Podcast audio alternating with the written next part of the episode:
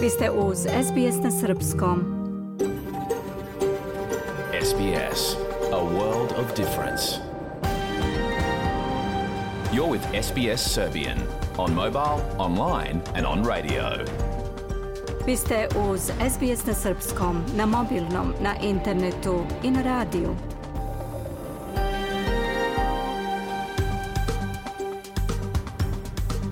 SBS odaje priznanje tradicionalnim vlasnicima zemlje sa koje danas emitujemo program na srpskom jeziku.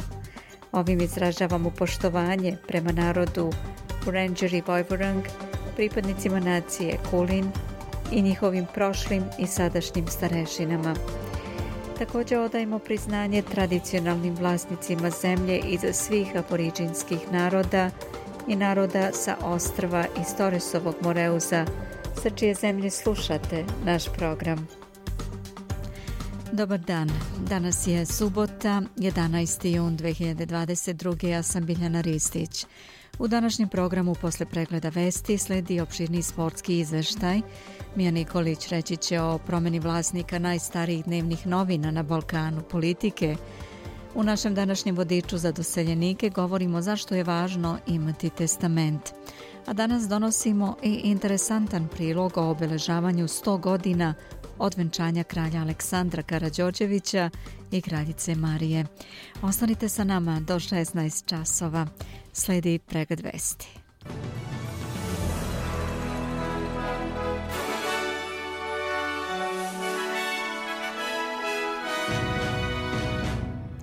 Australija će isplatiti 830 miliona dolara kompenzacije zbog otkazivanja programa izgradnje podmornica.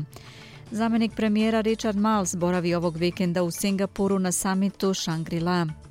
Nemački kancelar tokom posete Beogradu zatražio od Srbije da se pridruži sankcijama Rusiji.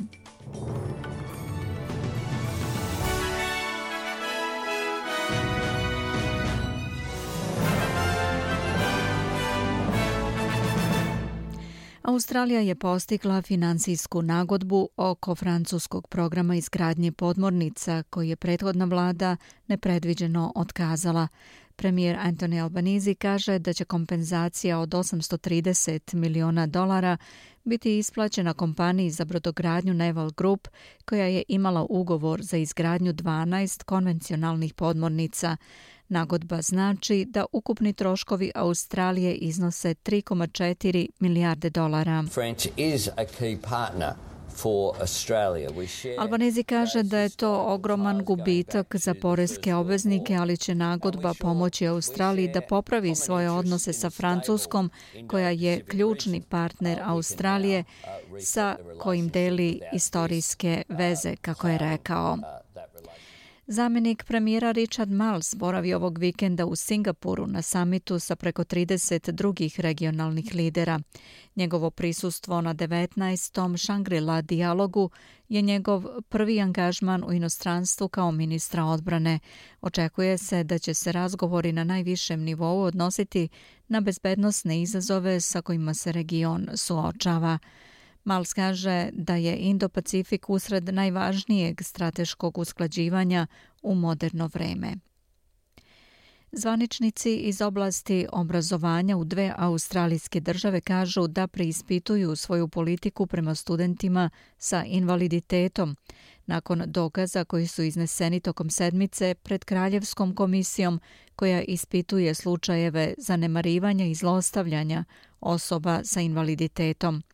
Direktor Odeljenja za inkluziju osoba sa invaliditetom u Ministarstvu obrazovanja Zapadne Australije, Stuart Percival, kaže da se to ministarstvo nije u potpunosti konsultovalo sa osobama sa invaliditetom u formulisanju svojih smernica.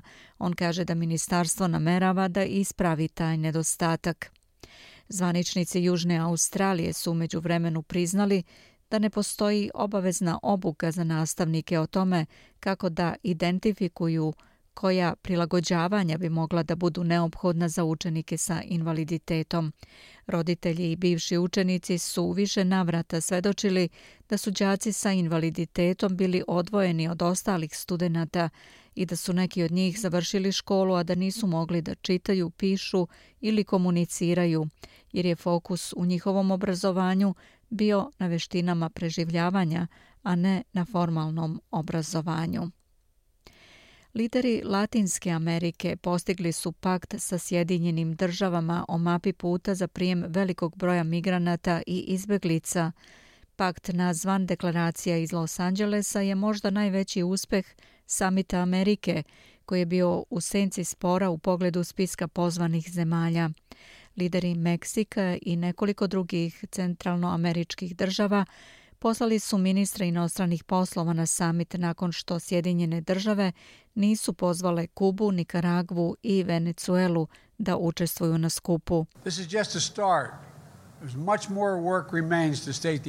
Američki predsjednik Biden kaže da je to samo početak napora da se upravlja migracijama izvan i unutar Amerike i da ostaje još mnogo posla da se uradi.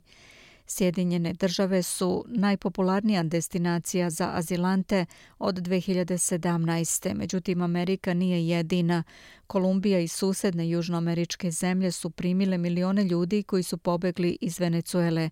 U Meksiku je bilo više od 130.000 zahteva za azil prošle godine, od kojih su mnoge podneli Haičani, što je trostruko više u odnosu na 2020. Mnogi stanovnici Nikaragve prebegli su u Kostariku dok raseljeni venecuelanci čine šestinu populacije Male Arube. Slušate SBS radio pregled vesti. Gradonačelnik Mariupolja Vadim Bojčenko rekao je da postoje dokazi o izbijanju kolere u Mariupolju u Ukrajini i da je na desetine ljudi potencijalno već obolelo.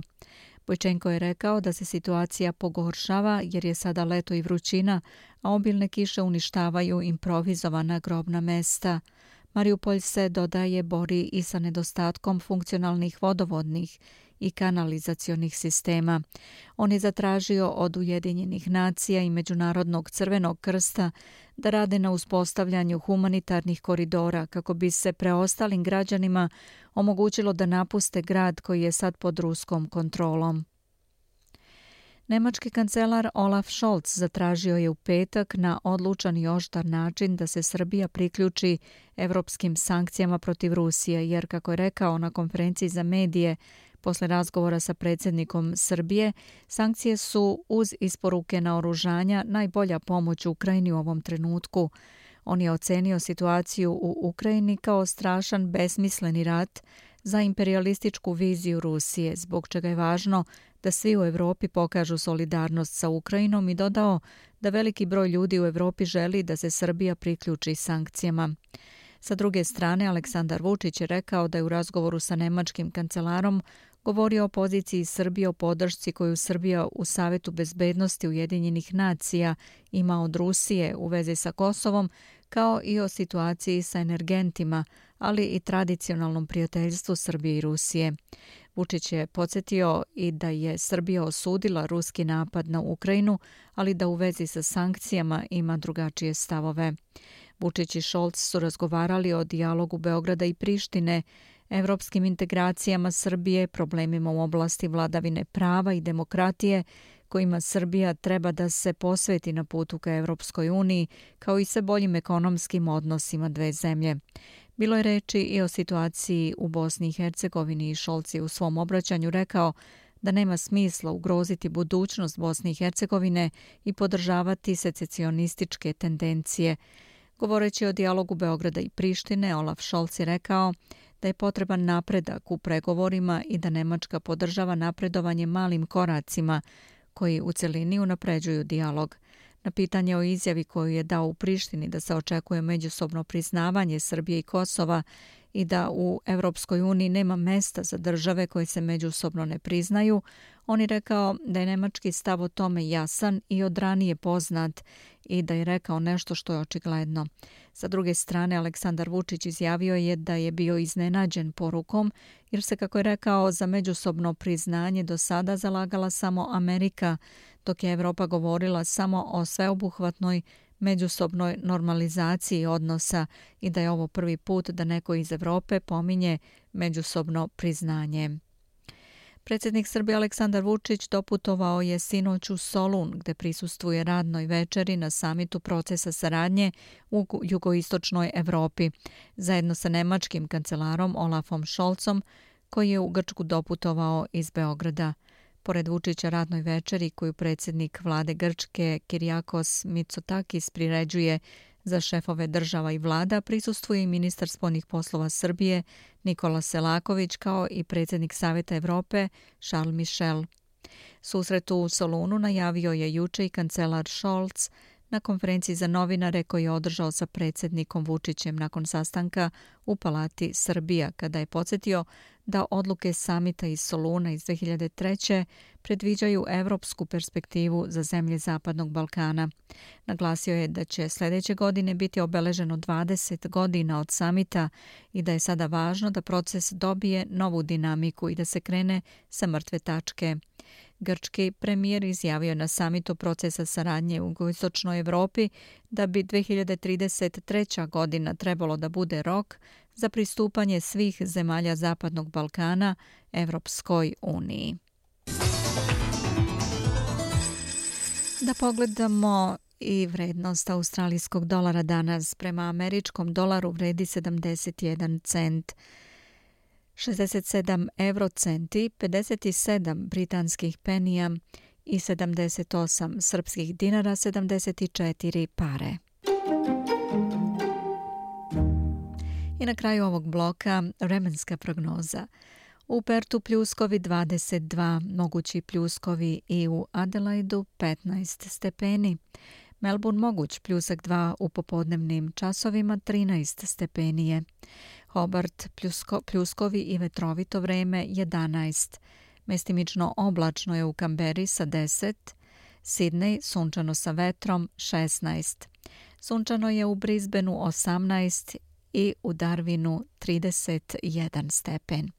Beograd danas do 27 stepeni sa upozorenjem na jake pljuskove i grmljavinu koji će lokalno biti praćeni gradom, jakim vetrom i većom količinom padavina za kratko vreme. Slušali ste pregled vesti na srpskom jeziku na SBS radiju. Za sve najnovije posjetite sbs.com.au kozacrta srbijen.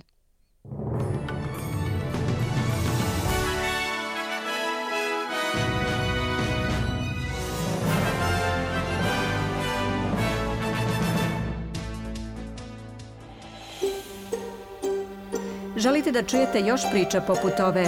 Slušajte nas na Apple Podcast, Google Podcast, Spotify ili odakle god slušate podcast.